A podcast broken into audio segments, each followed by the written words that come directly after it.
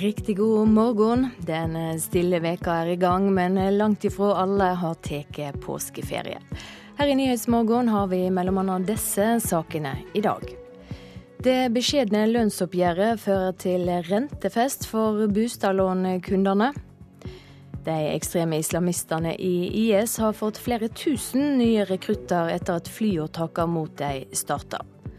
Og forskere tror nye norske storkommuner vil skremme kvinnene bort fra lokalpolitikken. Jeg tror de som forsvinner, det er familiefolk som har en travel hverdag.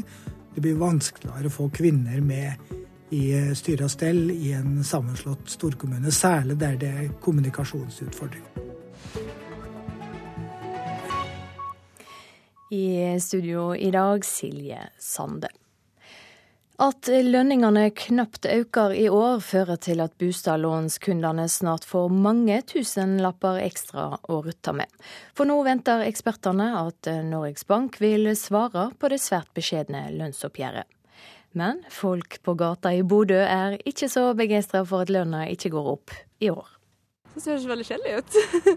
Man er vant med at det skal komme litt hvert år, at det øker litt. Hvis ikke det kommer noe mer, så må jeg bare stramme inn.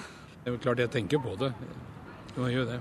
Og det blir lite ekstra å hente fra lønningsposen fremover, fastslår økonomiprofessor Steinar Holden. Han har ledet tre regjeringsoppnevnte lønnsutvalg. Nei, dette ligger jo an til at uh, kjøpekraften blir omtrent uh, konstant. At uh, lønnsveksten ligger, ser nå ut til å bli 2,7% og så ligger vel inflasjonen til å bli rundt der den også, så da blir det uendret kjøpekraft. Likevel vil svært mange få flerfoldige tusenlapper ekstra å rutte med i år. For nå som NHO og LO er blitt enige om at vi knapt skal få reell økning i lønna, øker sannsynligheten for at Norges Bank kutter styringsrenta. Det vil de med boliglån merke. Så det er en klar sammenheng mellom det moderate lønnsoppgjør og lavere renter. kan si Vi får på en måte en kompensasjon for lav lønnsvekst gjennom lavere renter. Sier Erik Bruse, sjefanalytiker i Nordea Markets. Holden sier seg enig. Ja, i hvert fall nå uh, umiddelbart. Så Norges Bank uh, trodde jo at, at, lønnsveksten skulle bli 3% i år. Og når da lønnsveksten uh, trolig blir noe lavere enn det Norges Bank regnet med, så taler det for at de kommer til å sette en lavere rente enn det de ellers ville gjort. De, de, sa jo at de skulle ha renten ned til 1% men dette kan tale for at de kanskje ville sette den enda lavere enn det. Hva tror du kan være et gull for renten fremover da? Dette gjør det jo mer sannsynlig at de kommer ned på 0,75 eh, enn det det var uten et så moderat oppgjør. Og enda lavere rente vil monne for manges økonomi, påpeker Bruse. Hvis du ser på gjennomsnittet, da, så har vi regnet litt på det. Og den nedgangen vi har i rentene det neste året, trekker opp kjøpekraften med ett prosentpoeng, nesten. Og det, det, det trekker jo da ganske bra i motsatt retning av det lave reallønnsveksten. Men det er selvsagt en liten trøst for de som ikke er med på lånefesten i bankene. Ja, det er klart at, eh, at, eh, høyere lønn er jo noe som eh, alle har glede av, så fremt de har jobb og ikke mister jobben. Lavere rente det er til glede for de som har boliglån eller andre lån, men ikke til glede for de som har spart og ikke har noe lån. Med høyere lønn så blir det nesten hele Norges befolkning, mens slik blir det jo ikke med lavere rente. Reporter her, Sindre Heierdal. Den islamske staten IS har fått tusenvis av nye rekrutter siden USAs flyåtak starta. Det sier Syrias president Bashar al-Assad til den amerikanske fjernsynsstasjonen CBS. Actually, ISIS has expanded since the beginning of the strikes. Not like some uh, American uh, wants to sugarcoat the situation as uh, to say that it's getting uh, better. Den islamske staten har generelt økt sin virksomhet siden USA startet luftangrepene mot organisasjonen, sier den syriske presidenten Bashar al-Assad i et intervju med den amerikanske fjernsynsstasjonen CBS. Han hevder at det ikke er slik vestlige politikere ønsker å tro, at IS har blitt kraftig svekket pga. bombingen. President Assad har kjempet mot islamistiske opprørere siden 2011, og nå sier han at IS har fått tusenvis av nye rekrutter etter at bombingen startet. Uh.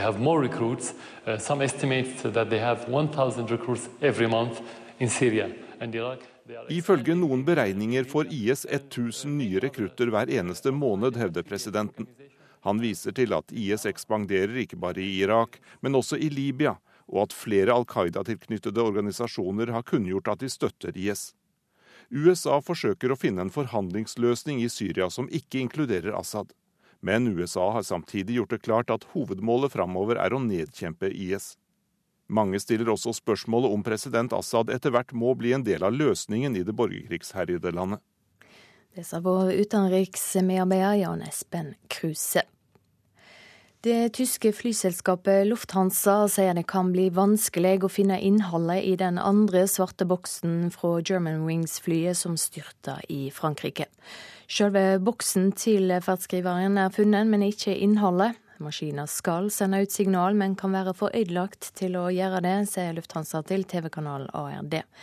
Etterforskerne håper fremdeles å finne ferdskriveren for å få et komplett bilde av hva som skjedde i minutter før flyet traff fjellsida med en fart på kring 800 km i timen. Påsken eh, er i gang, og over 1100 frivillige fra Røde Kors står klare til å hjelpe til fjells og til sjøs. Det er meldt eh, om fine skitilhøve, og det er ventet at mange vil ta turen ut i løypene. Men eh, folk må ta ansvar for egen trygghet og begynne å tenke over hva de sjøl er i stand til når de skal ut på tur. Det mener Røde Kors. Og landsrådsleder Ole Gladsø, du er med oss nå fra Golsfjellet. Er ikke folk flinke nok til å ta vare på seg sjøl på tur? Jo da, storparten er det. Og det vi hører om er jo de som ikke er det, fordi at de utsetter seg for utfordringer som kan bli vanskelig å takle. Ja, hva er det folk glemmer å ta omsyn til? Ja, det er jo ofte at man vil gå en lang tur. Eh, så kanskje man eh, overser det at man skal jo også tilbake. Så etter en slitsom tur så er jo faren for å komme i en situasjon som medfører behov for hjelp større. Kanskje kan det være fornuftig å ta noen kortere, enklere turer de første dagene i påska. Bygge seg opp den store opplevelsesturen. Eh, er folk blitt flinkere til å ha med seg det de bør ha med i sekken? Ja, vi syns at det, det, ser bra ut. det. Folk har med seg rimelig bra med utstyr. Vi har godt tilgjengelighet på utstyr.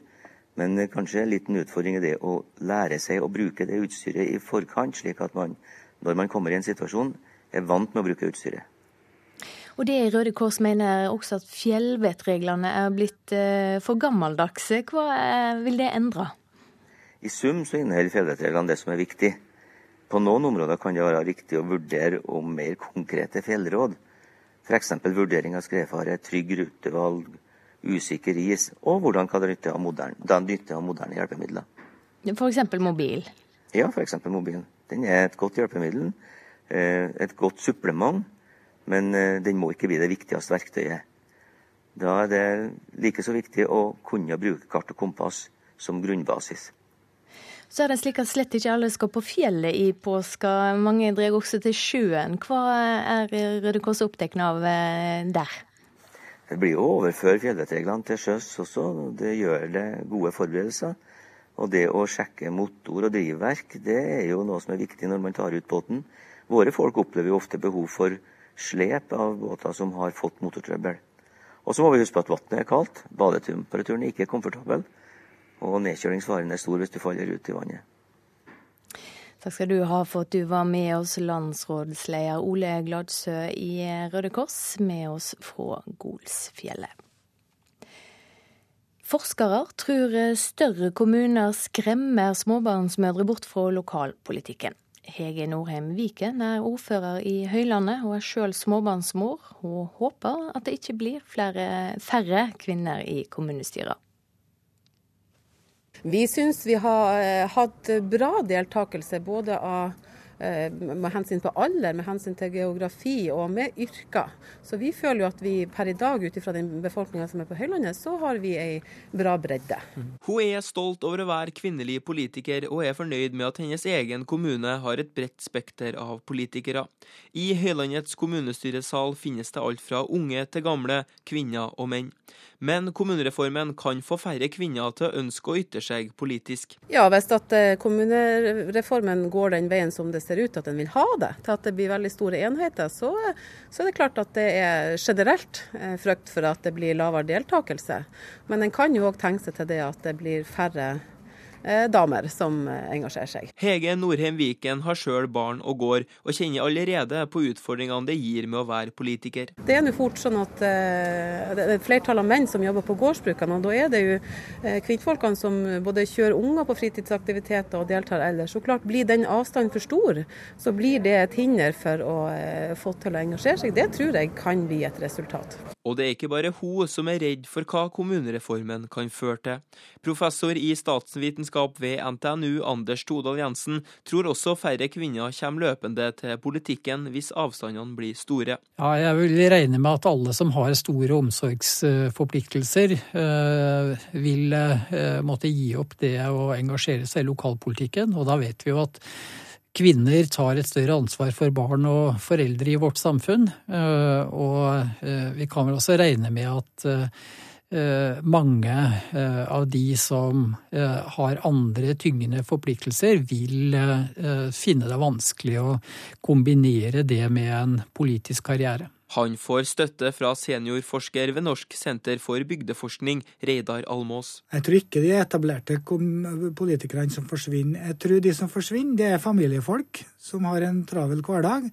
Og det er kvinnfolk som eh, vi har erfaring fra f.eks. i arbeidslivet, at eh, de pendler omtrent halvparten så langt som menn gjør.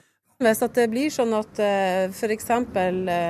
unge damer som, eh, som, har små unger kjenner at det blir for stor belastning og fer så langt, så klart det er jo ikke det noe ønske. For da vil du jo få deler av den, den bredda i, i, politisk deltakelse. Da vil du miste den, den bredda på det, da. Ja, Det sa til slutt ordfører Hege Norheim Viken i Høylandet kommune. Reporter Johannes Børstad. Vi skal se hva avisene har på framsidene i dag. Nav tilsetter egne leger som skal kikke fastlegene i korta, skriver Bergens Tidende. Målet er at flere skal komme seg raskere tilbake i arbeid. VG forteller om Belal, mannen Norge ikke blir kvitt. Han ble varig utvist i 2008, men er her fremdeles. Han er dømt for vold, trusler, ran og hærverk, men politiet får ikke sendt han ut fordi de ikke er sikre på identiteten. Arbeiderpartiet i Stavanger vurderer et samarbeid med Fremskrittspartiet. Høyre har hatt makta i oljebyen i 20 år. Nå åpner de to partiene for et utradisjonelt samarbeid for å få slippe til. Det skriver Klassekampen. Rentenivået gjør at en får et uvirkelig tilhøve til penger, sier Olav Thon. Han eh, sier til Finansavisen at folk synes rentenivået er lågt i Norge, men at han i Sverige kan binde renta i tre år til mellom 0,7 og 0,8% Fjørfenæringa tar grep for kalkunvelferda her i landet, det skriver Nasjonen. Vi er avhengige av tillit hos forbrukeren, sier bonde Øystein Mysen til avisa. Leger spør gjerne pasienter om pasienter sine sexvaner, men de vegrer seg for å snakke om religion. Gud er blitt elefanten i rommet hos legestanden, sier professor og lege Vegard Brun Wyller til Vårt Land. Jeg er letta, sier advokat Geir Lippestad til Dagbladet etter at han er ferdig med Anders Behring Breivik. Nå har Lippestad mer tid til andre klienter og til arbeidet med sykehusklovner for eh, syke.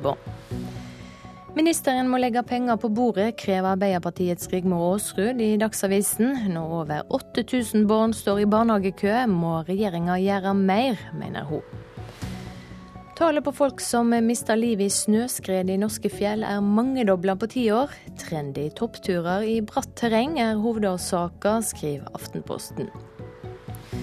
Oljebransjen kutter i jobbreisene, forteller Dagens Næringsliv.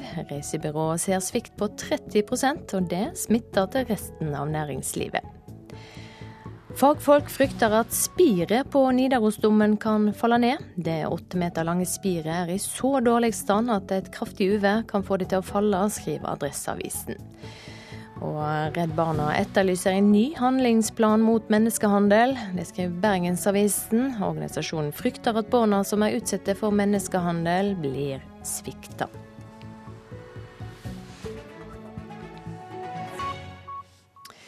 Og sport og fotball. Tariq Elionussi savner en spisstype som Jon Carew på landslaget. I lørdagens EM-kvalifiseringskamp mot Kroatia fikk Elionussi og Martin Ødegaard det tøft mot høye kroatiske midtstoppere.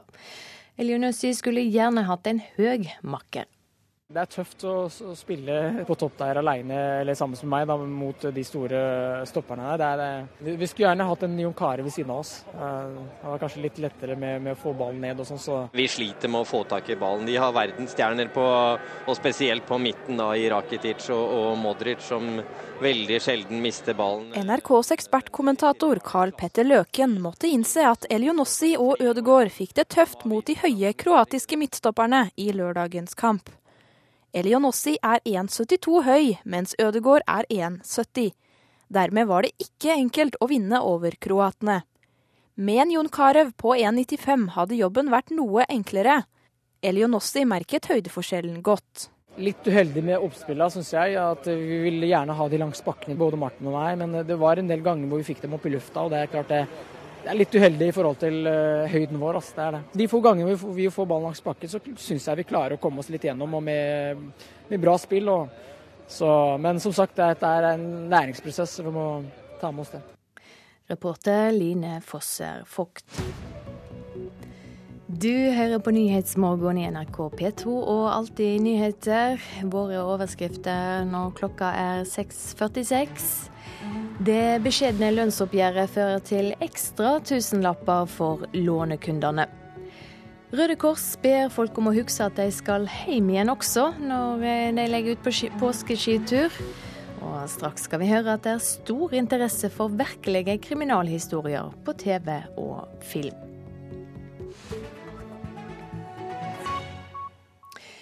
Den svenske fjernsynskanalen SVT har, på samme måte som NRK, fått mange klager fra publikum etter Fredrik Skavlan sitt intervju med Sverigedemokraterna sin leder Jimmy Åkesson. Det er kommet inn rundt 900 klager, sier kommunikasjonsdirektør Sabia Raisvala i SVT. Vi har en, en tittarservice man kan mejla in på vår hemsida svt.se. Och där är det väl ungefär 900 mejl som vi har fått. Och sen så har vi Facebook och Twitter och sånt där vi har blivit taggade i sociala medier också. Det er mye, sier Raisvalla, som tror at denne saken ender i den svenske granskningsnemnden, noe som tilsvarer vårt kringkastingsråd. Alle har jo mulighet til å anmelde program til granskningsnemnden.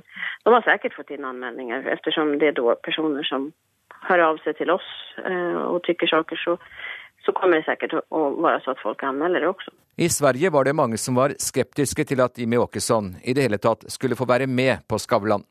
Kritikken gikk ut på at dette kunne bli en del av Sverigedemokraternas PR-maskineri. Men sen når väl intervjuen hadde sendt, så ble det precis tvärtom. At man ifrågasatte at da Fredrik Skavlan hadde vært for tøff. Hva syns dere SVT selv, da? Hva vi tykker? Ja.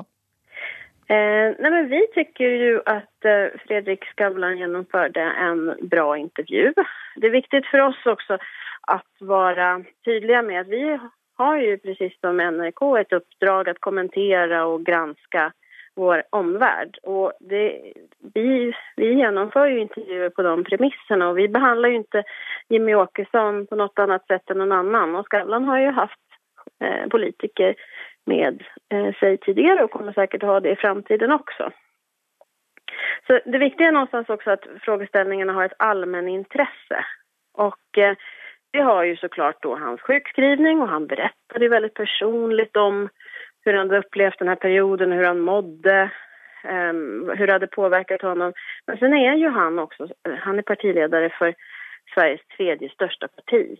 Så det är klart att, att det finns ett stort allmänintresse att fråga frågor som rör den politik han för. Reporter Hans-Jørgen Solli. Boka til varsleren Robin Schäfer kan bli spillefilm. Forlaget til varsleren i Monica-saka i Bergen er i samtaler med et seriøst produksjonsselskap. Filmen føyer seg i så fall inn i rekka av virkelige kriminalhistorier som blir fortalt på TV og film. Vi har fått henvendelse om kjøp av opsjon på den boken til med siktemål å, å lage en film fra et uh, større norsk produksjonsselskap. Det sier forlagssjef Tine Kjær i Vigmostad Bjørke. Men ønsket om å ta Monica-saka til skjermen er bare det siste eksempelet på at virkelige krimsaker engasjerer. Før jul følger mange den tolv episoder lange podkasten Serial. Og nå på nyåret har dokumentarserien The Jinx fått mye oppmerksomhet. Uh, block letters if somebody is hiding their signature, and they spell Beverly wrong. Av norske eksempler på true crime kan vi nevne Nokas-ranet, som har vært behandla både i bok og på film. Moland og French-saka har blitt bok og kanskje film. Brannen om bord i Scandinavian Star har resultert i flere bøker og dokumentarer, og nå sist et hørespill i Radioteatret. Det brenner! Det brenner! Hele korridoren er i flammer! Av andre norske eksempel er dramaserien Frikjent på TV 2, som er løst basert på Birgitte Tengs-saka. I tillegg arbeider et privatetterforsker Tore Sandberg med en podkastserie om Orderud-saka. Monica-saka kan bli film, og det kan også sjølvbiografien til den korrupsjonssikta politimannen Eirik Jensen bli. Samme dag som boka ble lansert, kunne forlagssjef Anne Gåthaug i Kagge Forlag fortelle at flere produsenter var interesserte i film- og TV-rettene. Boka er jo også skrevet på en sånn måte at du, du ser liksom filmen rulle. I de scenene som Eirik Jensen eh, skisserer, så er det jo liksom der, lukke øynene, du ser for deg han, og du ser alle disse tingene skje. Så det er jo det er veldig filmvennlig stoff alt sammen sammen. Da. I tillegg til disse prosjektene sier Kripos til NRK at de også merker interesse for gamle uoppklarte saker, såkalte cold cases. I samband med at det ble kjent at de skulle opprette ei egen avdeling som skulle jobbe med slike saker, skal flere produksjonsmiljø ha tatt kontakt med politiet for å høre om det var mulig å lage dokumentar eller fiksjon basert på sakene. Forlagssjef i Vigbostad og Bjørke, Tine Kjær, tror at den store interessen for true crime skyldes at publikum er sultne på noe som er sant og ekte. Nå har vi jo eh, fått, tenker jeg, i dette landet vårt en stadig sterkere interesse for virkeligheten. Og for uh, fortellinger som er, har et utgangspunkt i virkelige hendelser. Når det gjelder boken om Monica-saken, så har jo den også, dessverre får man vel, vel, vel si, da, Eh, veldig mange eh, av thrillerens eh, elementer i seg. Reportere Espen Alnes og Thomas Alvarstein Ove. Akkurat som for fugler og planter, så finnes det rødlista håndverk. Smedyrket er et av de mest utsatte, og kan risikere å dø ut om ikke det kommer flere nye krefter til. Det finnes det en del knivsmeder og hobbysmeder, men eh, smeder av typen vi skal høre om nå, er det bare en, en håndfull igjen av. I Østre Hedrum i Larvik kommune jobber en smed med bl.a. restaurering, rekkverk og porter, hengsler og kunstsmeding etter eget design. Nå står vi foran Nessa og holder på å rive opp noen, noen aviser for å fyre opp.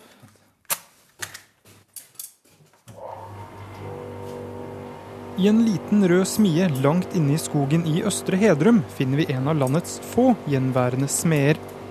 Jørn Stampe Hansen har akkurat fyrt opp i essa for oss, og skal til å lage en av sine spesialiteter. Ja, nå skal jeg Jeg har et produkt som jeg kaller for hjertekrok.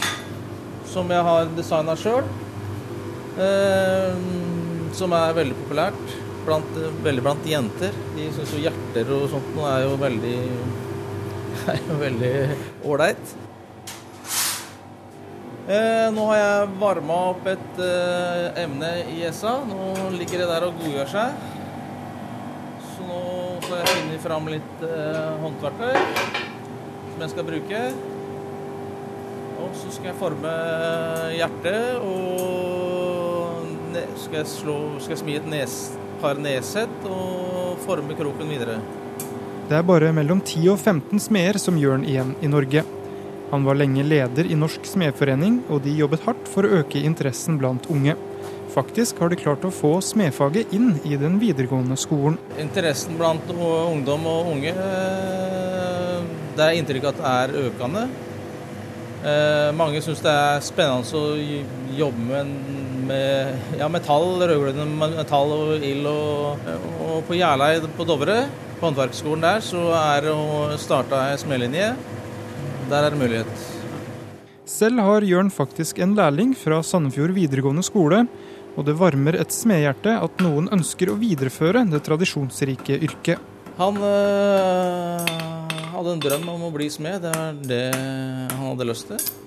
Eh, men så, så, var han her på et, eh, en helgekurs og smidde kniv og ei lysstakke. Eh, og blei Han var for, så vidt hekta fra før han kom hit til meg, men han, det blei enda mer gira da. En av drivkreftene til 50-åringen er muligheten til å være kreativ og forme jern eller stål. En annen er bevaring av det gamle. Hvis en kikker i eldre fotoalbum fra, fra bykjernen f.eks., som var fra 50-tallet og kontra det som er i dag, så ser vi det at eh, mye av det gamle smedhåndverket Mye av det er borte eh, og er erstattet med industrielle produkter. Og selv om interessen er økende, er det mye å gå på, mener smeden. Alt som er svart, som de får kjøpt i butikker, det er faktisk ikke smijern. Det er uh, industriell produksjon. Det kommer fra store industrier. Og det det er, jo et problem som vi har hatt i mange år. Og vi prøver å få kunden til å skjønne at det som kommer fra smeden, det er, eh, det er ett unikt arbeid. Nå står vi jo Ramholten her som du sto og hamra dette hjertet ditt på. Og Er det hjertet, er det ferdig, eller? Det er, eh, det er så å si ferdig. Det, nå skal jeg bare slå inn noe bumerke. Da løfter han seg litt foran der, og da må vi ta litt slag der. Sånn. Da er den grei. Det ser ut som den skal? Ja, nå er den perfekt. Sånn. Fine linjer. Veldig bra. Ja, Smeden Jørn Stampe-Hansen ble intervjua av reporter Vegard Lilleås. Så skal vi ha et eh, værvarsel som gjelder fram til midnatt.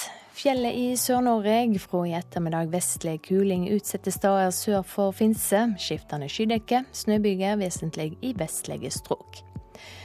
Østlandet nordlig bris, snø av og til, sludd eller regn nær kysten. Utover ettermiddagen gradvis opphold og lettere skydekke. Telemark nordvestlig bris, fra i ettermiddag frisk bris utsatte steder. Det kan bli litt snø eller sludd første del av dagen, regn nær kysten. Ellers opphold og perioder med sol. Agder får økende til nordvestlig frisk bris utsatte steder. I ettermiddag stiv kuling på kysten vest for Lindesnes. Sent i kveld minkende. I vest enkelte regnbyger, sludd- og snøbyger i høgda. Ellers opphold og perioder med sol. Rogaland og Hordaland nordvestlig på kysten. I sør enkelte regnbyger, snø over 200-400 meter. I ettermiddag vestlig liten kuling. I kveld sørvestlig bris. Økende bygeaktivitet, spesielt i indre strøk. Sogn og Fjordane får spredde regnbyger, snøbyger over 200-400 meter. Fra i ettermiddag sørlig frisk bris, i kveld vestlig liten kuling. Økende bygeaktivitet. Møre og Romsdal og Sør-Trøndelag spredde regnbyger, snøbyger over 200-400 meter. Sent i kveld østlig frisk bris, økende bygeaktivitet på Sunnmøre. Nord-Trøndelag vestlig frisk bris, enkelte regnbyger første del av dagen. Snøbyger over 200-400 meter. Senere gradvis opphold og noe sol. Nordland i formiddag perioder med liten kuling på kysten. Sluddbyger på kysten, regnbyger. Troms sørlig stiv kuling utsatte steder. Øst for Lyngsalpene kan hende sterk kuling. Fra i ettermiddag skiftende bris, spredde sludd og snøbyger. Kyst- og fjordstrøka i Finnmark sørlig stiv kuling utsatte steder. I ettermiddag liten kuling. Skyet vær. Det blir nokre sludd- og snøbyger. Finnmarksvidda får sørlig periodevis frisk bris, snø. Nordensjøland på Spitsbergen østlig liten storm utsatte steder, stort sett opphold. I kveld litt snø, vesentlig i øst. Så har vi temperaturlista målt klokka fem. Svalbard lufthavn minus åtte. Kirkenes null. Vardø to. Alta to. Tromsø-Langnes tre. Bodø to. Brønnøysund to. Trondheim-Værnes én grad. Molde én. Bergen-Flesland 2, Stavanger 3, Kristiansand-Kjevik 2, Gardermoen 0, Lillehammer 1, Røros minus 3 og Oslo-Blindern 2 grader.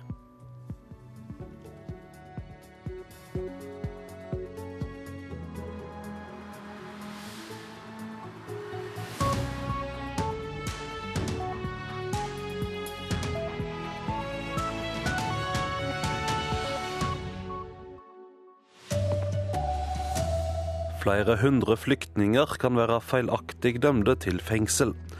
Røde Kors ber påsketuristene sjølve ta ansvar for tryggleiken. Her er NRK Dagsnytt klokka sju.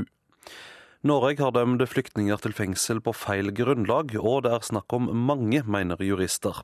Nå må Riksadvokaten be politiet gå gjennom alle saker der flyktninger er dømte for ID-juks, mener advokat Jon Christian Elden. Syriske Mohammed er en av mange som er dømt til fengsel for å ha flykta til Norge med falske papir. Han er også den første som er frikjent etter en ny gjennomgang av saka. Now in Syria you must kill or you will be killed. Han er den første flyktningen som er dømt for ID-juks, som har fått saken gjenåpna og blitt frikjent.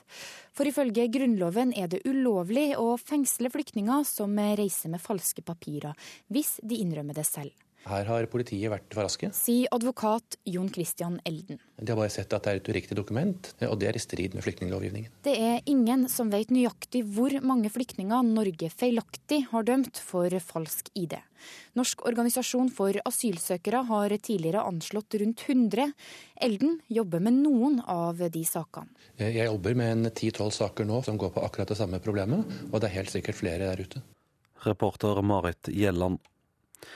Flere enn 1100 frivillige fra Røde Kors er klare til å hjelpe påsketuristene, både til fjells og til sjøs.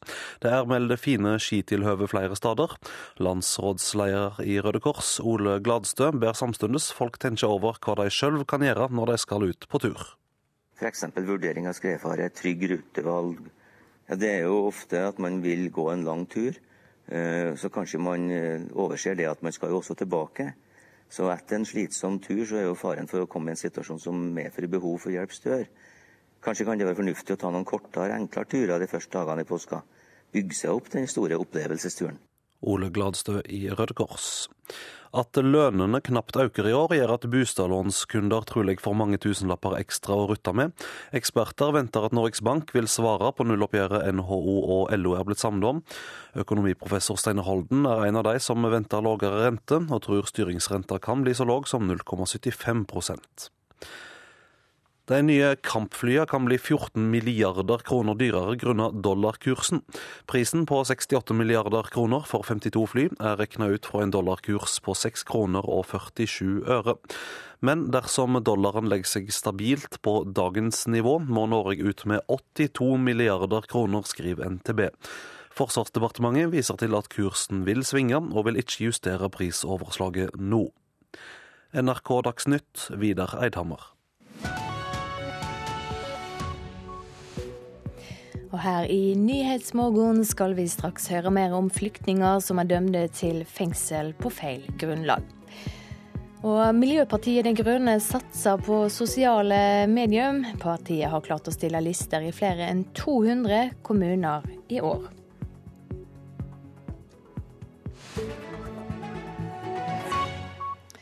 Norge har altså dømt flyktninger til fengsel på feil grunnlag, og det er snakk om mange, mener jurister. Etter at NRK omtalte saka, er flere fengslinger utsatte. Syriske Mohammed har sittet i fengselskø siden i sommer fordi han brukte falsk ID for å flykte til Norge. Retten har nå vurdert saka på nytt. Mohammed ble uskyldig dømt. Now in Syria you must kill or you will be. Det er snart ett år siden Mohammed reiser fra Syria til Norge. I stedet for visum fra Syria bruker han et estisk ID-kort som ble kjøpt for 60 000 kroner i Hellas. Han kjøper den falske ID-en fordi det er umulig å få nødvendig reisetillatelse nå pga. krigen i hjemlandet. No to, to run away from Syria Europe without uh, false identity or false passport. På Rygge flyplass innrømmer han at ID-en ikke er ekte. Dagen etter dømmes han til 45 dager i fengsel for å ha brukt falske papirer. Ull. Stjerner. Mm. Vind. Men Mohammed havner aldri i fengsel. Nå går han på norskkurs i stedet. Gå. Han er den første flyktningen som er dømt for ID-juks, som har fått saken gjenåpna og blitt frikjent. For ifølge Grunnloven er det ulovlig å fengsle flyktninger som reiser med falske papirer, hvis de innrømmer det selv. Det har ikke norsk rettsvesen vært klar over, og fengsla denne gruppa flyktninger likevel. Når domstolen gjør feil, er det alvorlig, sier leder i gjenopptakelseskommisjonen, Helen Sæter. I dette tilfellet kan det jo også ha konsekvenser eh, ved at eh, de blir utvist, eh, eller for situasjonen deres når de søker opphold i Norge. Det er klart det er også alltid et alvorlig forhold dersom det avsies straffedommer uten at alle rettslige kriterier er vurdert og hensyntatt. Her har politiet vært for raske. Sier advokat Jon Christian Elden. De har bare sett at det er et uriktig dokument, og det er i strid med flyktninglovgivningen. Det er ingen som vet nøyaktig hvor mange flyktninger Norge feilaktig har dømt for falsk ID. Norsk organisasjon for asylsøkere har tidligere anslått rundt 100. Elden jobber med noen av de sakene. Jeg jobber med en ti-tolv saker nå som går på akkurat det samme problemet, og det er helt sikkert flere der ute. Han mener Riksadvokaten må be politiet gå gjennom alle saker der flyktninger har sona for ID-juks. Til NRK svarer embetet at det ikke er aktuelt, men at det vil bli vurdert hvis flere enn Mohammed får sakene sine vurdert på nytt. Du er Trond. Jeg er Trond. Det kommer fra Ålesund i Norge. Skilt. Divorced. Nei. jo, du er det her. Jeg er skilt, jeg har to barn. I'm very happy now because uh, every day before thinking about this story, maybe today, maybe tomorrow, I will go to the prison 45 days. But now I'm free, free man. Jeg snakker norsk, engelsk og tysk. Veldig bra. Ja. Reporter Sig Sigurd Steinum og Marit Gjelland. Miljøpartiet De Grønne ligger an til å få lister i mer enn 200 kommuner til valget til høsten. En vellykka satsing på sosiale medium har klart å veie opp for at partiet har en bitte liten partiorganisasjon. I morgen går fristen ut for å levere lister til kommunevalget. Ja, og dere har levert lista og alt er på plass, eller? Um, mm. Vi jobber på spreng nå med å få stilt en liste ja. i Stryn. Og så ble ja, jeg tipsa om navnet ditt, og at du jobber med, med, økologisk landbruk. På partikontoret til De Grønne er aktiviteten høy, selv om det nærmer seg fredag ettermiddag før påske. For i morgen går fristen ut for å melde inn antall lister til kommunevalget. Og det ser slettes ikke så verst ut. Men vi ligger an til å i alle fall tredoble antall kommunelister fra 2011. Eh, og det er fortsatt, eh, vi jobber fortsatt med å få på plass en del av de, av de siste listene. Sier partisekretær Lars Gaupseth. Ekstra positivt er at vi stiller jo da i de aller fleste av de 114 største kommunene, altså de kommunene som har over 10 000 innbyggere, og som dekker da 75 av, eh, av Norges befolkning. Foreløpig har partiet en bitte liten partiorganisasjon. Derfor har strategien vært å rekruttere folk til listene gjennom internett. En satsing som har vært særdeles vellykket, sier Laurie McGregor, partiets digitale rådgiver. Den deltakelsen i denne siden på Facebook har vært helt ekstraordinær de siste dagene. Så folk som tagger folk som de kjenner som bor et annet sted, eller 'Mamma, kjente du ikke noen som kjenner noen som kunne?' Folk virkelig bruker de nettverkene de har. Så det er på en måte, det er derfor vi gjør dette her, sånn at folk kan dra lasset for oss. da. Så kanskje man ikke har så behov for et så stort partiapparat som mange av de andre partiene har? Vet du hva, jeg tror vi kommer veldig langt med dugnadsånd og velvilje. Og her ser du, nå har vi visualisert mm, hvordan det står til med listestillingen. Det står 428 kommuner, kommuner, i Norge. Vi ser at akkurat nå så er det 189 som har levert inn liste til kommunen. Mm. Men hvis du lurer på hvordan det står til i din kommune, da, H f.eks., så tester vi en H der, og så kan vi se hva som er status der. Jo, H har lokallag, mm. men har de levert liste ennå? Nei. OK, ikke ennå. Da kan du faktisk stå på liste i H. melde din interesse for å stå på liste i H. Ja, dere har gjort det ganske enkelt for folk å, Vet du hva, Vi har gjort det ja. så enkelt som mulig for folk å, å melde sin interesse for å, stille, for, å, for å, stå på liste for oss i hver enkelt kommune. Og dette gir oss, dette gir oss en, en, en, lenke som folk kan dele med sine venner i H spesifikt. Mm. Sånn at folk eh, slipper å lete. Mm. Uh, sånn at de, de kommer så fort som mulig til den siden de trenger. Ja. Nei, men Da får du takk for praten, og så uh, lykke til videre. Og, og riktig god påske, da. Reporter Line Tomter. I framtida skal mer politiarbeid skje fra politibilen, fra mobile eininger, som det heter i regjeringa sitt framlegg til politireform. Men i Hedmark kutter de ikke bare i tallet på tjenestefolk, de har ikke penger til nye politibiler heller.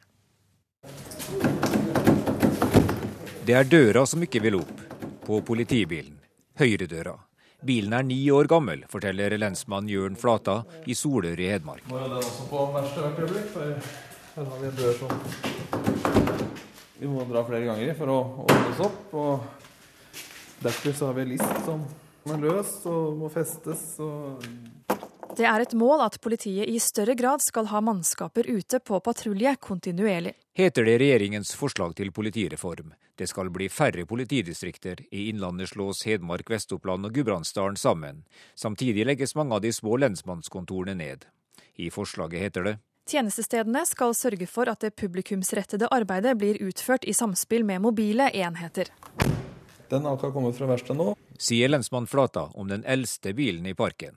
Den er 11. Den har jeg lagt ned utrykningskjøreforbud på, fordi bilen eh, ikke fyller de krav til å kjøre i høye hastigheter. Slik at eh, den er å regne mer som en, en vanlig personbil som en eh, vanlig mann i gata har. Og, og blir brukt i så henseende at den blir kjørt ut på trafikkontroller, men ikke blir brukt på utrykningskjøring det forslaget som ligger til grunn i politianalysen i politireformen nå, så skal jo politiet være enda mer ute på vei. Det skal løses enda mer av oppdrag skal løses ute.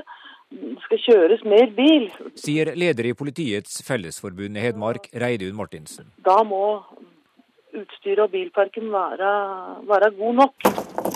Så vi har jo eksempler på biler i Hedmark som har gått 500 000. Politireformen legger opp til at moderne datautstyr i biler skal overta for gammeldagse lensmannskontorer. Nei, altså i dag så har vi fått iPader og lignende, og disse gamle bilene her eh, bruker vi ikke noe penger på for å rigge opp til det. Det, bli, det er for trangt, og det, det er ikke egnet til det. Så de nye bilene som kommer, dem er nok eh, bedre rigga til det, men de gamle bruker vi ikke noe eh, penger på, på slikt. Det, det, er ikke noe forsvarlig. En ny politibil koster rundt en million. Hedmark politidistrikt skal kjøpe tre nye i år. Behovet er eh, opp mot 20 for å begynne å komme i en grei utskiftingstakt. Så vi ligger langt etter. og Samtidig så er signalene fra Politidirektoratet at vi må spare inn penger, og gjerne på biler, fordi vi har for lavt budsjett. For få biler, for lite folk. Hedmark politidistrikt må i år redusere antall stillinger med fem. I Solør er allerede tre lensmannskontorer slått sammen. Men de er færre tjenestemenn nå enn for 20 år siden. Felleslokalene på Flisa er for små. I garasjen er det bare plass til to politibiler. I verste fall så må vi måke snø, skrape is før vi helt tatt kan rykke ut. og det er vi er i 2015, og det, sånn skal det ikke være. Så følger det kanskje penger med politireformen? Nei. Sier lensmann Flata. Han vet hva han ønsker seg. Det jeg trenger er to nye biler eh, pluss en sivil utrykningsbil eh, og nye lokaliteter. Eh, og skal vi være mer ute, så kunne, her sånn hos Lille Soler, så kunne jeg også tenkt å hatt to til tre mann til. Men først skal de nye operasjonssentralene landet rundt bygges, så skal Kripos og POD og alle de sentrale enhetene ha sitt. Og så blir det kanskje noe igjen til nærpolitiet ute i fylkene, til nye biler. Ja, jeg er spent på hvordan de har tenkt å løse det. Reporter Per Magnussen. Klokka er 7.14. Eh, du hører på Nyhetsmorgen. Flere hundre flyktninger kan være feilaktig dømte til fengsel. Nulloppgjøret i år gir mange tusenlapper ekstra i lånekundene sine lommebøker. Og om litt skal vi høre at den russiske kirka har stoppa ei operaforestilling. Men først nå til Nigeria. FN sier nå at landet stort sett har klart å holde et ryddig valg, selv om det har vært flere valgsepisoder og tekniske problem. Og hva betyr det for Nigeria at valget har gått bra, Afrikakorrespondent Kristine Presthun? Dette valget har vært den store testen for Afrikas eh, største demokrati. Det er jo første gang at vi har reell konkurranse mellom to kandidater. Og spørsmålet har vært om, om Nigeria kunne da gjennomføre dette valget på en ordentlig måte. Beklager, stemmen er litt rusken på morgenen her. Men det var altså 60 millioner mennesker som hadde nye elektroniske stemmekort, og de måtte identifisere seg med fingeravtrykk nettopp for å hindre valgfusk. Og det at eh, FN nå berømmer valget, det er jo veldig positivt. Og senere i dag så skal også EU holde en eh, pressekonferanse. De har hatt uh, valgobservatør her. Og er de også positive, ja da åpner dette et helt nytt kapittel i eh, Nigerias eh, demokratiske historie. Du er i hovedstaden Abuja. Hva skjer i dag, og når blir resultatet klart? Ja, vi kan jo se for oss eh, hvilken logistikk dette er, med så mange eh, velgere og så mange stemmer som eh, skal eh, telles opp. Derfor så har det tatt tid, og ble også, eh, valget ble også utsatt en dag. Altså, det var en del eh, valgstasjoner der de måtte stemme i går også pga. tekniske problemer. Men valgkommisjonen har sagt at de skal prøve å få ut valgresultater i løpet av kvelden. Det blir jo spennende om de får til det. Ja, Det var flere åtak i Nigeria under, eh, på selve valgdagen. Hvor stor er faren for valg nå etter valget? Det er nå eh, det virkelig er fare for vold. Etter valget sist så ble rundt 800 mennesker eh, drept i voldelige opptøyer. Og eh, et jevnt valgresultat kan føre til voldelige sammenstøt. Det kommer helt an på om lederne selv går tidlig ut og aksepterer valget, eller om de ikke gjør det. Og det kommer an på nettopp om folk oppfatter at dette har vært et eh, rettferdig valg. Nå har vi jo trusselen fra Boko Haram i nordøst, men når det gjelder politisk vold, er kanskje denne gangen faren størst i statene i sør, der den sittende presidenten har eh, stor støtte, og særlig en stat som heter River State, en rik oljestat der uh, Goodluck Jonathan uh, har et solid fotfeste. Der kan, det sies observatører her, bli stygt. Eh, hvis Muhammadu eh, Buhari, den muslimske kandidaten, eh, vinner. Kort til slutt, Kristine. Du var ute på gatene. Hvor stort var engasjementet hos folk flest når det gjaldt valget? Det var et imponerende engasjement. Folk sto i 40 grader pluss i mange timer for å få stemme. Og selv om det av og til ble litt krangel om køordning og sånn, så var det en utrolig iver etter å få lov til å bruke stemmeretten sin. Folk viste meg disse elektroniske valgkortene og sa dette er den vesle makten jeg har i dette landet, og den skal jeg bruke i dag. Takk skal du ha for at du var med, Kristine Presttun. Så til Russland, for der ble i går sjefen for operaen i byen Novosibirsk avsett etter kritikk for ei oppsetting av Rikard Wagners opera 'Tannhäuser'. Den russiske ortodokse kyrkja har leia an i kritikken, og har fått støtte fra nasjonalistiske krefter i Russland, som mener oppsettinga av Tannhäuser krenker tradisjonelle russiske verdier.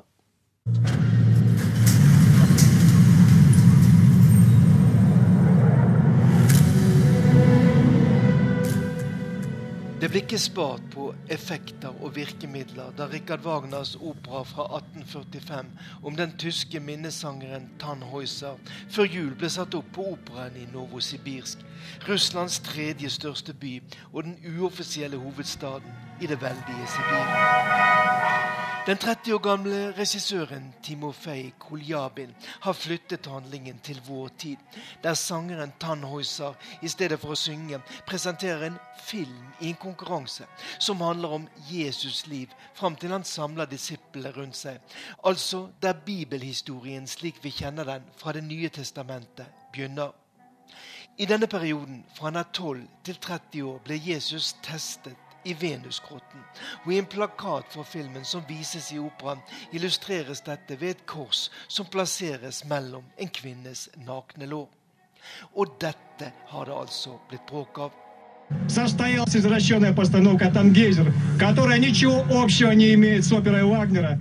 Kort tid etter premieren samlet folk seg til demonstrasjoner i sentrum av Novosibirsk og krevde operaen stoppet, og at både regissør og direktør for teateret ble straffeforfulgt for manglende respekt for de troende.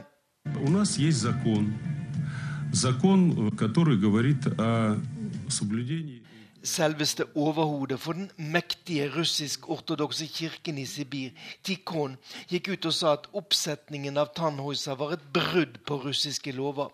Og saken har blitt det store debattemaet blant kulturinteresserte i Russland de siste ukene. Но я никогда не ограничиваю художественное направление, творчество. Sjefen for operaen i Novosibirsk, den respekterte Baris Nezdricht, har inntil det siste forsvart retten til å bruke kunsten, i dette tilfellet altså Wagners historiske opera, til å utfordre og provosere. Men søndag kom beskjeden om at han har fått sparken fordi han ifølge den russiske viseministeren for kultur, Vladimir Aristakov, ikke har utført den oppgaven han er satt til å gjøre. Direktøren for Mihailovskij-teatret i St. Petersburg, Vladimir Kekman, er utnevnt til ny direktør for operaen i Novosibirsk. Selv sier Boris Metrich til radiostasjonen Moskvas Ekko at han ikke vil protestere mot måten han er avsatt på.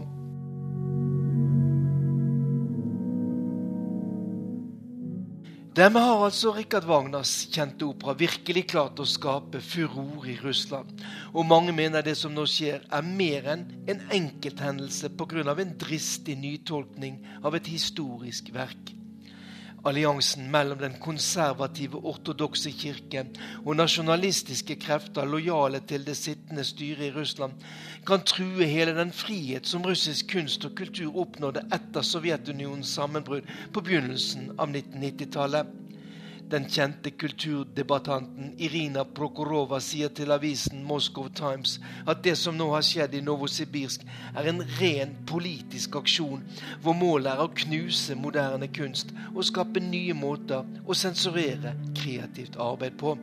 Morten Jentoft, Moskva.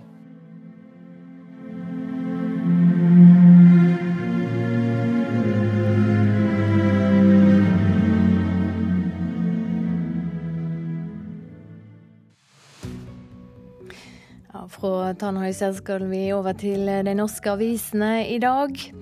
Nav tilsetter egne leger som skal kikke fastlegene i korta, skriver Bergens Tidende. Målet er at flere skal komme seg raskere tilbake i arbeid. Arbeiderpartiet i Stavanger vurderer et samarbeid med Framstegspartiet. Høyre har hatt makta i oljebyen i 20 år. Nå åpner de to partier for et utradisjonelt samarbeid for å få slippe til, skriver Klassekampen. Rentenivået gjør at en får et uvirkelig tilhøve til penger. Olav Thon sier til Finansavisen at folk synes rentenivået er lågt i Norge, men at han i Sverige kan binde renta i tre år til mellom 0,7 og 0,8% Fjørfenæringa tar grep for kalkunvelferda her i landet, skriver Nasjonen. Vi er avhengige av tillit hos forbrukeren, sier kalkunbonde Øystein Mysen til avisa. Leger spør gjerne om pasienter sine sexvaner, men de vegrer seg for å snakke om religion. Gud har blitt elefanten i rommet hos legestanden, sier professor og lege Vegard Brun Wyller til Vårt Land. Jeg er letta, sier advokat Geir Lippestad til Dagbladet, etter at han er ferdig med Anders Behring Breivik. Nå har Lippestad mer tid til andre klienter og til arbeidet med sykehusklovner for syke. Ministeren må legge penger på bordet, krever Arbeiderpartiets Rigmor Aasrud i Dagsavisen. Når over 8000 barn står i barnehagekø, må regjeringa gjøre mer, mener hun. Tallet på folk som mister livet i snøskred i norske fjell er mangedobla på ti år. Trendy toppturer i bratt terreng er hovedårsaka, forteller Aftenposten. VG skriver om Belal, mannen Norge ikke blir kvitt. Han ble varig utvist i 2008, men er her fremdeles. Mannen er dømt for vold, trusler, ran og hærverk, men politiet får ikke sendt han ut fordi de ikke er sikre på identiteten hans. Oljebransjen kutter i jobbreisene, forteller Dagens Næringsliv. Reisebyrået ser svikt på 30% og det smitter til resten av næringslivet. Fagfolk frykter at spiret på Nidarosdomen kan falle ned. Det åtte meter lange spiret er i så dårlig stand at et kraftig uvær kan få det til å falle, skriver Adresseavisen. Og Redd Barna etterlyser en ny handlingsplan mot menneskehandel. Det skriver Bergensavisen. Organisasjonen frykter at barna som er utsatte for menneskehandel, blir svikter.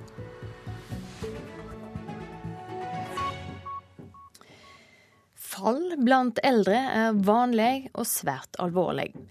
Lier kommune har starta prosjektet Grip sjansen, hold balansen, som skal gjøre husværa til eldre bedre rusta for å unngå fall. Inger Johanne Nilsen er en av mange som har fått livskvaliteten betydelig redusert pga. et fall.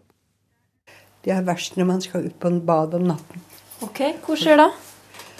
Da gjør jeg jo veldig bevisst på at jeg ikke må dette. De er i tankene mine hele tiden. Du må ikke falle.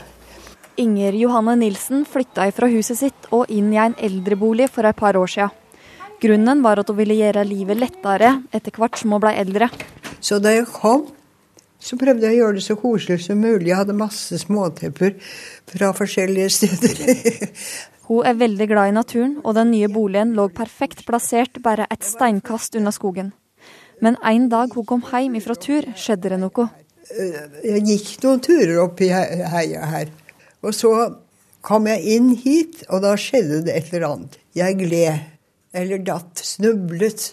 Hvordan det ble funnet, det husker jeg ingenting om. Inger Johanne ble sendt på sykehuset. Hun måtte opereres og fikk svært sterke smertestillende. Da fikk jeg en narkose som virket på hjernen min. Jeg glemmer mye. Orket ikke tenke tanken på å lese en bok. Som du var veldig glad i? Ja, veldig. Jeg har lest hele mitt liv fra jeg var barn. Og, men så var det ikke så farlig likevel. Altså, jeg savnet det ikke sånn. Livskvaliteten til Inger Johanne ble betydelig redusert etter fallet, og hun er ikke den eneste. Lier kommune har nå starta prosjektet Grip sjansen, hold balansen, som bl.a. skal gjøre leiligheter til eldre bedre rusta for å hindre fall. Prosjektleder Toril Groth sier at hun ikke var klar over hvor alvorlig situasjonen var. Når vi begynte med dette, her, så trodde vi egentlig ikke vi hadde fall noe, i noe særlig grad. Og så på to og en halv måned har vi hatt 52. Og det er eh, dyrt eh, for kommunen, og det er ubehagelig og kan medføre for tidlig død hos de som faller. Kunne mange av disse fallene vært unngått? Eh, ja, det kunne de. Heimesykepleia i Lier har nå fått i oppdrag å kartlegge leilighetene. En av dem er Laila Therese Bjørk, som forteller at det er mye det er lett å snuble i. Tepper, eh, løse ledninger. Eh, vi var inne og kikka på dusjen i forhold til dusjsituasjonen, som du kan lett falle og skli der inne. Så er det jo å ha sklimatter, som Inge Johanne har, og hun har dusjkrakk. Og videre kan man også ha håndtak. Inger Johanne er ei tøff dame, og sjøl om hun er livredd for å falle igjen, orker hun ikke tanken på å bli sittende i en stol resten av livet. Så har jeg denne lille hindringen her. For det er en liten dørstokk? Ja, det er det. For å komme over den, da må man ha litt styrke i armene. Har ikke så mye av. Jeg tenker på det hele tiden. Du må ikke falle en gang til. Men det kan jo føre til at man blir skitten der resten, resten av livet fordi man er så redd for å falle en gang til at man bare sitter. Så den risikoen, den tar jeg. Det sa Inger Johanne Nilsen til reporter Merete Aasegård. Om eh, ett minutts tid skal vi ha Dagsnytt. Vidar Eidhammer er klar med det. Etterpå, i Politisk kvarter, skal vi høre hvordan eh, regjeringa skal berge det borgerlige samarbeidet. Produsent for eh, Nyhetsmorgen i dag, det er Kari Bekken Larsen. Her i studio, Silje Sande.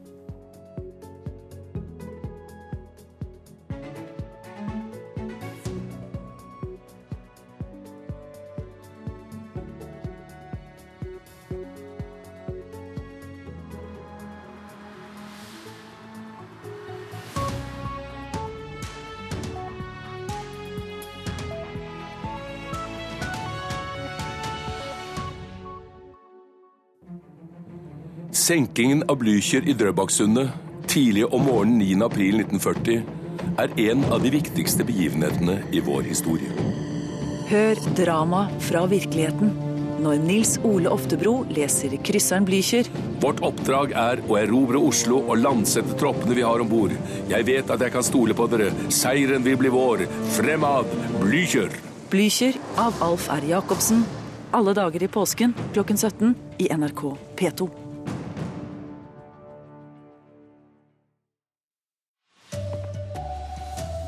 Flyktninger er dømt til fengsel på feil grunnlag.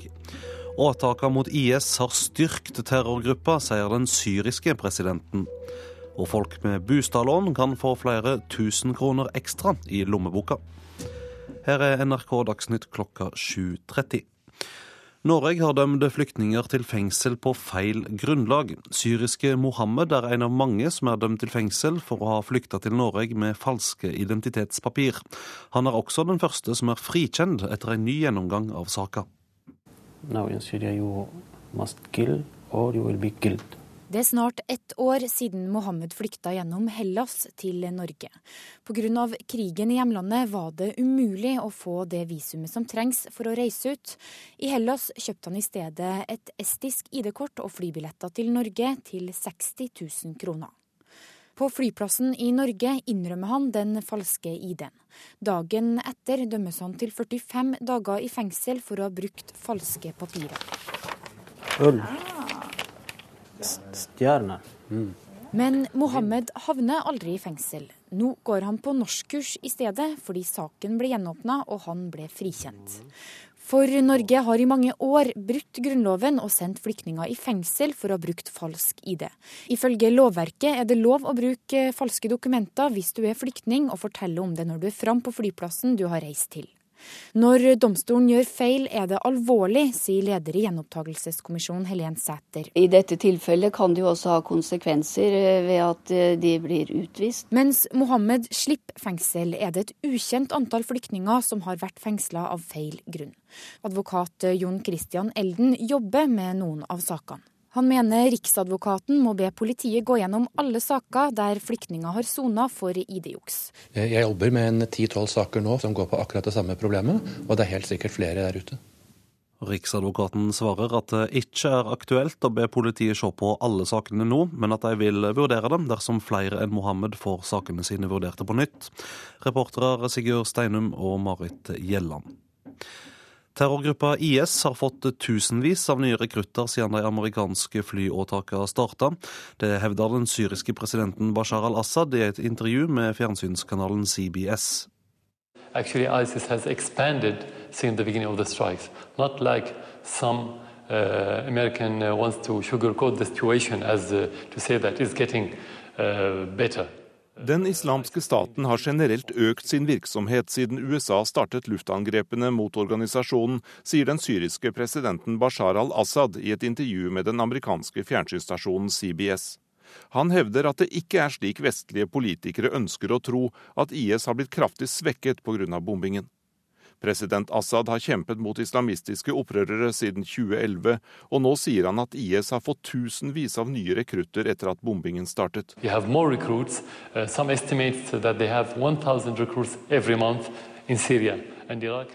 Ifølge noen beregninger får IS 1000 nye rekrutter hver eneste måned, hevder presidenten.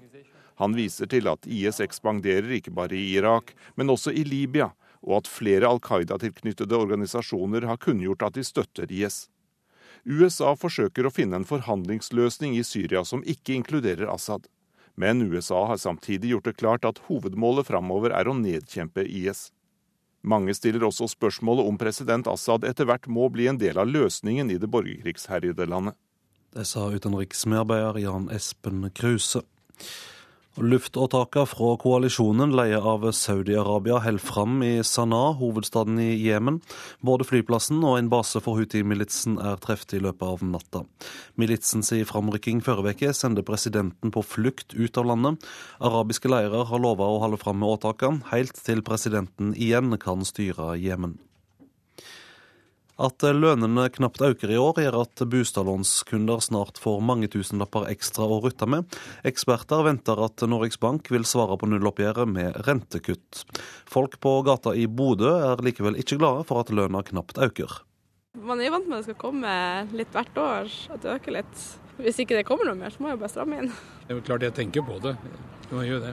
Og det blir lite ekstra å hente fra lønningsposen fremover, fastslår økonomiprofessor Steinar Holden. Nei, Dette ligger jo an til at uh, lønnsveksten ser nå ut til å bli 2,7% og så ligger vel inflasjonen til å bli rundt der den også, så da blir det uendret kjøpekraft. Likevel vil svært mange få flerfoldige tusenlapper ekstra å rutte med i år. For nå som NHO og LO er blitt enige om at vi knapt skal få reell økning i lønna, øker sannsynligheten for at Norges Bank kutter styringsrenta. Det vil de med boliglån merke. Vi får på en måte en kompensasjon for lav lønnsvekst gjennom lavere renter. Sier Erik Bruse, sjefanalytiker i Nordea Markets. Holden sier seg enig. Ja, i hvert fall nå uh, umiddelbart. Dette gjør det jo mer sannsynlig at de kommer ned på 0,75 enn det det var uten et så moderat oppgjør. Og enda lavere rente vil monne for manges økonomi. Hvis du ser på gjennomsnittet, da, så har vi regnet litt på det. Og den nedgangen vi har i rentene det neste året, trekker opp kjøpekraften med ett prosentpoeng. Men det er selvsagt en liten trøst for de som ikke er med på lånefesten i bankene. Sa reporter Sindre Heierdal. Miljøpartiet De Grønne ser ut til å stille lister i flere enn 200 kommuner ved valget i høst. Ei vellykka satsing på sosiale medier har klart å vege opp for at partiet har en liten organisasjon. Fristen for å melde lister til valget går ut i morgen. Vi jobber på spreng nå med å få stilt en liste i Stryn. Ja, det er kjempebra. På partikontoret til De Grønne er aktiviteten høy. For i morgen går fristen ut for å melde inn antall lister til kommunevalget. Og det ser slettes ikke så verst ut. Men vi ligger an til å i alle fall tredoble antall kommunelister fra 2011. Sier partisekretær Lars Gaupseth. Foreløpig har partiet en bitte liten partiorganisasjon. Derfor har strategien vært å rekruttere folk til listene gjennom internett. En satsing som har vært særdeles vellykket, sier Laurie McGregor, partiets digitale rådgiver. Den deltakelsen i denne siden på Facebook har vært helt ekstraordinær de siste dagene. Det folk som tagger folk som de kjenner som bor et annet sted. Eller 'mamma, kjente du ikke noen som kjenner noen som kunne?' Folk virkelig bruker de nettverkene de har. Og det er veldig, veldig gøy. Reporter Line Tomter. Som NRK har også SVT fått mange klager etter intervjuet med lederen av Sverigedemokraterna, Jimmy Åkesson, på programmet Skavlan. Vi har fått rundt 900 klager, sier kommunikasjonsdirektør i SVT, Sabia Reiswala. För vi har en, en tittarservice man kan mejla in på vår hemsida svt.se. Och där är det väl ungefär 900 mejl som vi har fått. Och sen så har ju vi Facebook och Twitter och sånt där vi har blivit taggade i sociala medier också. I Sverige var det mange som var skeptiske til at Jimmy Åkesson i det hele tatt skulle få være med på Skavlan. Kritikken gikk ut på at dette kunne bli en del av Sverigedemokraternas PR-maskineri. Men sen når vel intervjuen hadde sendt, så ble det precis tvärtom at man ifrågasatte at da Fredrik Skavlan hadde vært for tuff. Reporter Hans-Jørgen Solli. I fjor var det 129 trafikkulykker i den norske påsketrafikken. For mange kan timevis i bil med barn i baksetet være tungt. Planlegg turen godt, og ikke ha løse ting i bilen, rår NAF til. Vi har sånne DVD-spill som man kan se på film i baksetet og, og sånne ting. Så, men ellers er de, de liker å kjøre bil, så det går fint. Barnefar Kenny i Alta skal med familien på påskeferie. I baksetet har de en ettåring og en fireåring når turen går til Nyvoll, en times kjøretur fra Alta sentrum. I år som tidligere år planlegger familien turen i forkant. Planlegg sånn at eh, kjøreturen kanskje inngår i sovetida deres på dagen. Det er veldig greit. God planlegging er viktig, det påpeker Inger Elisabeth Sagedal, kommunikasjonssjef i NAF turen begynner vel egentlig før man setter seg i bilen. Man kan snakke sammen om hvor langt skal vi kjøre, hva kan gjøre turen bra. Det, det at barna er litt innstilt på at dette kan bli litt lenge, det hjelper litt. Når familier i Nord-Norge skal ut i påsketrafikken med barn i baksetet, bør de passe på å ikke ha løse gjenstander i bilen. De kan komme som rekyler hvis bilen skulle krasje. Løse iPhoner og iPads er ikke et trygt valg for å underholde barna, påpeker NAF. Det er også viktig at man ikke bare baserer seg på elektronisk underholdning som da skal være fastspent, mindre om det. Men at man også har noe som kan engasjere eh, både voksne og barn. Men min erfaring er jo at hvis vi bare gidder, så liker barna å få høre historier, fortellinger og fakta som foreldre deler med barna. Reporter i innslaget var Eirik Hinde Sveen. Ansvarlig for sendinga Anders Borgen Werring. Teknisk ansvarlig Frode Thorshaug. Her i studio Vidar Eidhammer.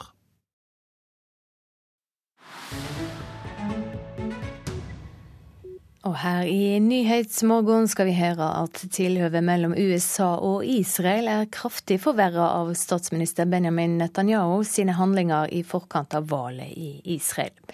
I USA mener enkelte at tilhøvet mellom de to landene kan være endra permanent, og at demokratiske politikere, som et stort flertall av jødiske amerikanske velgere røyster på, vil gi mindre støtte til Israel fra nå av. Uh, President Obama var alt annet enn hjertelig da han beskrev sitt forhold til Benjamin Netanyahu på en pressekonferanse i Det hvite hus i forrige uke. Vi har et forretningsmessig forhold, sa Obama. Det er ikke noe nytt at de to lederne har dårlig kjemi, men de siste ukene har forholdet mellom dem nådd et nytt lavmål. I valgkampinnspurten talte Netanyahu sin viktigste allierte midt imot, og sa at en tostatsløsning ikke vil bli noe av mens han er statsminister. Han modererte senere uttalelsene, men president Obama tok ikke tilbaketoget alvorlig.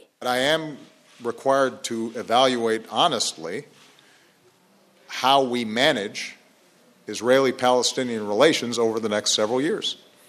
What we can't do is pretend uh, that there's a possibility of something that's not there. Vi kan ikke late som det finnes en mulighet for noe som ikke er mulig, sa han på pressekonferansen. Benjamin Netanyahu har gjort mye for å ødelegge sitt forhold til Obama-administrasjonen og demokratene i det siste. Mr. Speaker, the Prime Minister of Israel. Talen hans til Kongressen 3.3 gjorde både Obama og mange andre demokrater opprørte. Netanyahu ble invitert av republikanerne for å holde den. Obama ble ikke informert før statsministeren takket ja. I deeply regret that some perceive my being here as political. That was never my intention. I want to thank you, Democrats and Republicans, for your common support for Israel. Netanyahu åpnet talen med å si at han ikke var kommet for å gjøre USAs forhold til Israel til en partipolitisk strid her i Washington. Men her er det flere som mener at det var nettopp det Netanyahu gjorde. Den sterke støtten til Israel har vært tverrpolitisk her. Et overveldende flertall av amerikanske jøder stemmer på demokratene, og de aller fleste jødiske politikere i Kongressen er demokrater. Men det finnes også andre krefter som støtter sterkt opp om Israel. Nærmere bestemt den kristne høyresiden i det republikanske partiet. Talen i Kongressen gjorde mange amerikanske jøder flaue på Israels vegne. Kommentator MJ Rosenberg hevder i en Huffington Post-kommentar at talen og Netanyahus uttalelser om en tostatsløsning kan ha forandret USAs forhold til Israel for godt. Han mener det nå er blitt kontroversielt for demokratiske politikere å uttrykke støtte til Israel. Mange av partiets velgere er ikke lenger enige i at USA må stå på Israels side i tykt og tynt. Og det vil bli tydelig i presidentvalgkampen til neste år, mener Rosenberg. Hun, som trolig stiller opp der, har gang på gang hyllet Israel på talerstolen til f.eks. Israel-lobbyen APAC. Hillary Clinton vil imidlertid kunne få problemer med å forsvare dette overfor sine egne velgere i valgkampen. For demokratiske velgere har fått nok av Benjamin Netanyahu. Og det sa vår korrespondent Tove Bjørgaas. Flere hundre flyktninger kan være feilaktig dømte til fengsel for å ha flykta til Norge med falske identitetspapir. Det beskjedne lønnsoppgjøret i år gir mange tusenlapper ekstra i lånekundene sine lommebøker. Flyåtaker mot de ekstreme islamistene i IS har styrkt terrorgruppa. Det sier den syriske presidenten Bashar al-Assad. De har fått flere tusen nye rekrutter etter at flyåtakene starta. Nå straks blir det Politisk kvarter, og programleder der i dag er Bjørn Myklebust.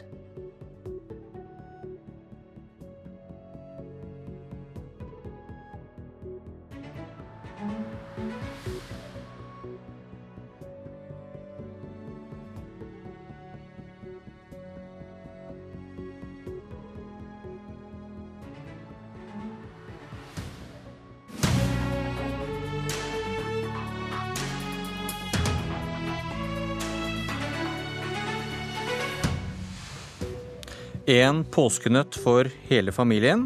Hva mener Arbeiderpartiet? Eller gikk vi i fella nå, en felle laget av de borgerlige for å få tilbake velgeren som forsvant? Trond Giske møter Venstre for å svare på harde angrep. Arbeiderpartiet er Norges mest konservative parti. De er mot alle reformer. De mener alt er perfekt. Det er visst knapt liv. Sveinung Rotevatn fra Venstre, velkommen til Politisk kvarter. Takk. Kanskje du får Arbeiderpartiets oppstandelse her i dag, og Giske gir deg svarene du mener du mangler?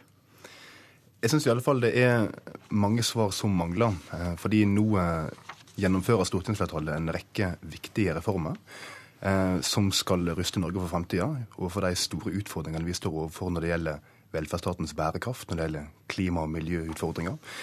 Og Der har Arbeiderpartiet plassert seg på sidelinja i veldig mange av dem. Og i mange av dem er det vanskelig å få svar på hva de egentlig vil. Eh, et par eksempel er f.eks. den viktige politireformen som vi nå gjennomfører, der det er svært krevende å få rede på hva Arbeiderpartiet egentlig ønsker. Andre eksempel, nå skal vi gi eldre arbeidstakere rett til å stå lenger i jobb. Følge opp pensjonsreformen. Det går Arbeiderpartiet imot. Men jeg vil si at kanskje det mest alvorlige er den viktige kommunereforma som vi nå gjennomfører. Den er viktig for å sikre bedre velferdstjenester til innbyggerne, sterkere lokaldemokrati. Og Der er det helt umulig å forstå hva Arbeiderpartiet egentlig mener. Det spørs hvem du snakker med, hvem som har ordet i Stortinget. Og så er jo spørsmålet da en reform som er så avhengig av å ha tungt trøkk bak seg fra storting, fra regjering. Hva vil skje med den dersom Arbeiderpartiet i 2017 kommer tilbake til makta med Senterpartiet på slep? Vil det bli bråstopp? Det vil i så tilfelle være svært alvorlig for det som nå er viktige prosesser som foregår i alle landets kommuner. De mener alt er perfekt? Det var det din partileder sa til Dagens Næringsliv ja, jeg, forrige uke. Jeg opplever at Arbeiderpartiet i nesten alle saker i Stortinget står og argumenterer for status quo for at ting fungerer bra, det være seg skattenivået eller offentlig sektor eller klima- og miljøpolitikken. Eh, og Jeg skulle ønske at eh, det største opposisjonspartiet kunne være noe mer progressive, noe mer framoverlente og bli med på mange av de viktige reformene som flertallet på Stortinget nå skal gjennomføre. Trond Giske. Dette hørtes jo ikke bra ut. Altså, la oss først si at en del av de sakene som eh, det nå henvises til, er nettopp framlagt for Stortinget. Eh, kommunereform, politireform ble vel lagt fram like før påske eh, og skal behandles i Stortinget fram til sommeren. Så det blir god anledning til Venstre for å, for å gå sammen med Arbeiderpartiet for å gjøre de reformene mye bedre. Men la oss spole litt tilbake først. Fordi Hva var det som skjedde i valget i 2013? Jo, Venstre gikk sammen med Høyre og Frp Eh, fordi de ønska å gi landet en ny kurs. Arbeiderpartiet og Senterpartiet SV måtte ut av regjering. Eh, man skulle ha nye løsninger, nye ideer, eh, ble det sagt. Så viser det seg halvannet år etterpå at de nye ideene og nye løsningene ikke var spesielt populær blant velgerne. Tvert imot så har velgerne rømt fra alle de fire borgerlige partiene. Man likte ikke det man så når man så at de rikeste fikk milliarder i skattekutt, mens vanlige folk fikk 50 øre dagen. Man likte ikke at det ble foreslått eh, kutt eh, hos de aller svakeste fra funksjonshemmede, uføre, pensjonister. Og man likte ikke forslaget om å selge ned store statsselskaper, stat, utrede salg av Statskog, eller endringene i arbeidsmiljøloven. Og Når Arbeiderpartiet har vært mot disse endringene og heller vært for en rettferdig fordeling, mer til kommunene, mer til eldreomsorg og skole, mot svekkelse av arbeidsmiljøloven, så blir Venstre litt fornærma og sier Arbeiderpartiet er så konservative, vil ikke være med på disse endringene. Nei, vi ville ikke være med på de endringene. Vi ønska ikke den nye kursen. Vi ønska å fortsette å bygge Norge og bygge velferdsstaten og ha en rettferdig fordeling. Det kan jo ikke være overraskende, for det var det valgkampen i 2013 dreide seg om. Men Venstre valgte helt frivillig å sette Høyre og Frp inn i regjering, og så er de litt overraska over at det da ble Høyre- og Frp-politikk, og så er de enda mer overraska at Arbeiderpartiet ikke er med. Det er velgerne som ikke er konservative, Rotevatn? Nei, Velgerne får nå ta stilling om, eh, om, to år når vi skal velge et nytt uh, storting. Men uh, da er det jo ganske alvorlig at de i alle fall så langt ikke veit hva Arbeiderpartiet mener om en del svært riktige reformer, eksempelvis kommunereformen. Men, Men da, må jeg, da må jeg spørre deg, Rotevatn, hvis Ap er så uklare, hvorfor har de så høy oppslutning? Jeg tror det var Dagens Næringsliv som karakteriserte Arbeiderpartiet som en misnøyens svamp. Det vil si at nå er det jo en del velgere som er misfornøyde pga. en del ulike reformer. Og så tenker de kanskje at nå skal Arbeiderpartiet gjøre alt bra igjen. Men jeg vil jo heldigvis si det, og det vil jeg si heldigvis. Men ville de, da, ville de ikke da satt seg på gjerdet og ikke gått til et parti som ifølge deg da de ikke kan ane hva mener i viktige saker? Jo, mange velgere har satt seg på gjerdet. Um, men for vår del så er oppslutninga eh, ganske bra, omtrent da den var ved stortingsvalget. Så for oss er jo ikke det problemet. Men problemet er at det største opposisjonspartiet ikke ønsker å ta stilling til viktige spørsmål. Eksempelvis spørsmål om fjorddeponi. Skal vi dumpe gruvemasser i våre mest sårbare fjorder? Der har Trond Giske sagt at nå har vi all kunnskapen vi trenger til å ta en beslutning. Ja vel, hva beslutning ønsker Arbeiderpartiet? Nei, det vil de ikke svare på. Hva med asylpolitikken, som nå er blitt myka opp? Mer liberale regler regler for asylbarn. Der har nå Arbeiderpartiet plassert seg ytterst i et hjørne i Stortinget og har den mest restriktive asylpolitikken. Tar imot færrest kvoteflyktninger og nekter å si om det er noe de har tenkt å stå ved etter valget i 2017. Og Slik jeg ser det nå, så vil de stemme på Arbeiderpartiet medføre brems i viktige reformprosesser, en retur til en strengere asylpolitikk, og det medfører mindre ambisjoner på klimaets vegne. For når statsministeren sier at vi må gjennomføre det grønne skiftet, og at oljenæringa går mot slutten i løpet av noen tiår, så rykker jo de rød-grønne ut og sier at nå snakker statsministeren ned oljenæringa. Jeg mener at den status quo-tankegangen som Arbeiderpartiet står for, den er ikke bra for et Norge som trenger forandring, men det er selvsagt en ærlig sak å være uenig i det. Men Spørsmålet er ikke om vi skal ha forandring eller ikke. Sveinung, spørsmålet er hvilken retning den forandringa skal gå i. Eh, la oss eh, ta arbeidsmiljøloven. Den har vært endra 50 ganger siden den ble vedtatt på 70-tallet. Veldig ofte under en Arbeiderpartiregjering. Men endringene har handla hele tida om å utvide rettighetene til arbeidstakerne, beskytte arbeidstakerne, gi rett til heltidsstilling, fast stilling osv. For første gang i år får vi omfattende endringer som svekker ansettelsesvernet, som gjør det mer midlertidig, eh, som gjør at kanskje bortimot 25 eh, av de ansatte kan havne i midlertidige stillinger. Det er altså å reversere tidligere framskritt, ja, det er kanskje radikalt, men det er jo ikke særlig nytenkende og innovativt. Og det er motsatt retning av det vi vil. Å ta på asyl Vel, vi har vel hatt ganske god offentlighet de siste, siste månedene om at antall asylbarn som er blitt sendt ut, lengeværende asylbarn, ble altså under uh, Anundsen i 2014 dobla mot hva det var under den rød-grønne regjeringa. Er du mot det, da? Jeg mener at vi skal sende ut dem som ikke har lov til å være her, og så skal vi la dem som eh, skal være her, få lov til å bli. Men da er du men, kanskje ikke mot det Anundsen har gjort, da? Nei, men Jeg kan i hvert fall ikke fra Venstres side skryte av at her har man fått en liberalisering av politikken, når antall utsendinger av lengeværende barn er fordobla. Min opplevelse i Stortinget er jo at Venstre ganske fortvilt prøver å distansere seg fra Frp og Høyre, men hvis du setter Frp inn i Justisdepartementet, hvis du setter Frp inn i Landbruksdepartementet, hvis du setter Frp inn i Samferdselsdepartementet, hvis du setter Frp inn i Finansdepartementet, så får du Frp-politikk. Det er jo det Venstre har valgt, og det, var, det gjorde de helt fritt i 2013.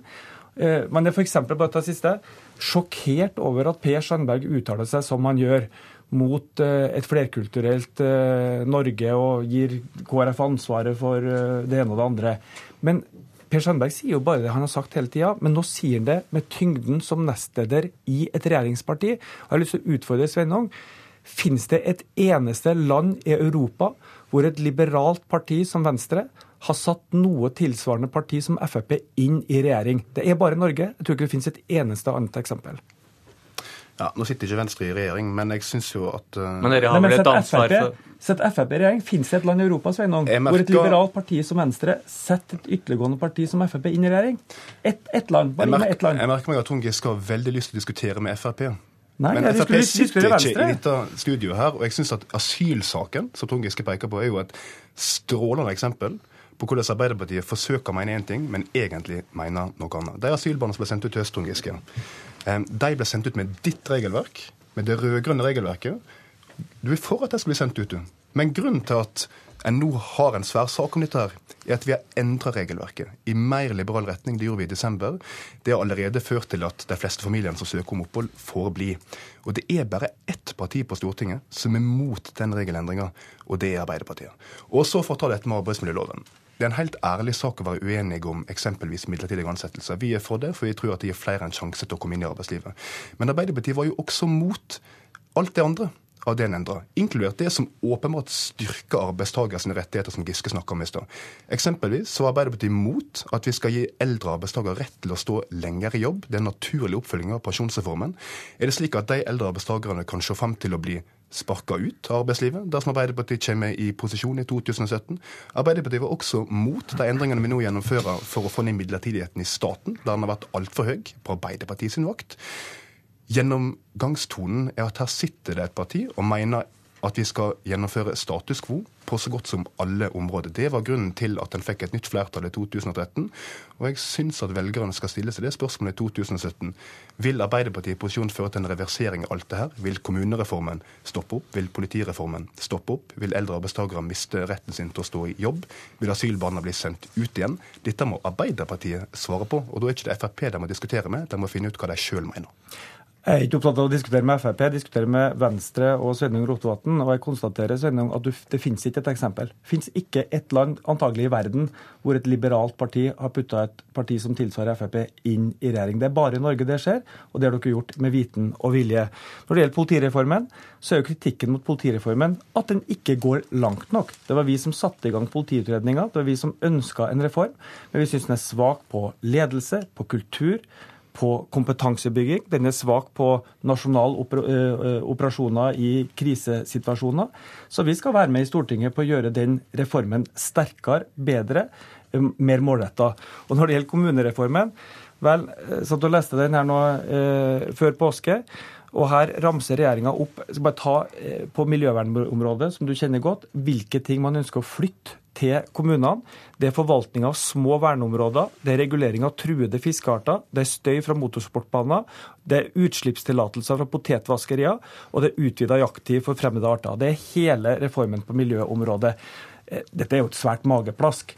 Det er jo helt annet enn det vi har lovt. Det som er, det som er overraskende til slutt, det er at jeg tror at Venstre og Arbeiderpartiet veldig fort kunne blitt enige om veldig mye. F.eks. på klimalov så er det vi som presser Høyre og, eh, og regjeringa eh, med oss. På budsjettet så prøvde jo Venstre å unngå disse store skattekuttene til de rike. De prøvde å få mer til kommuneøkonomi.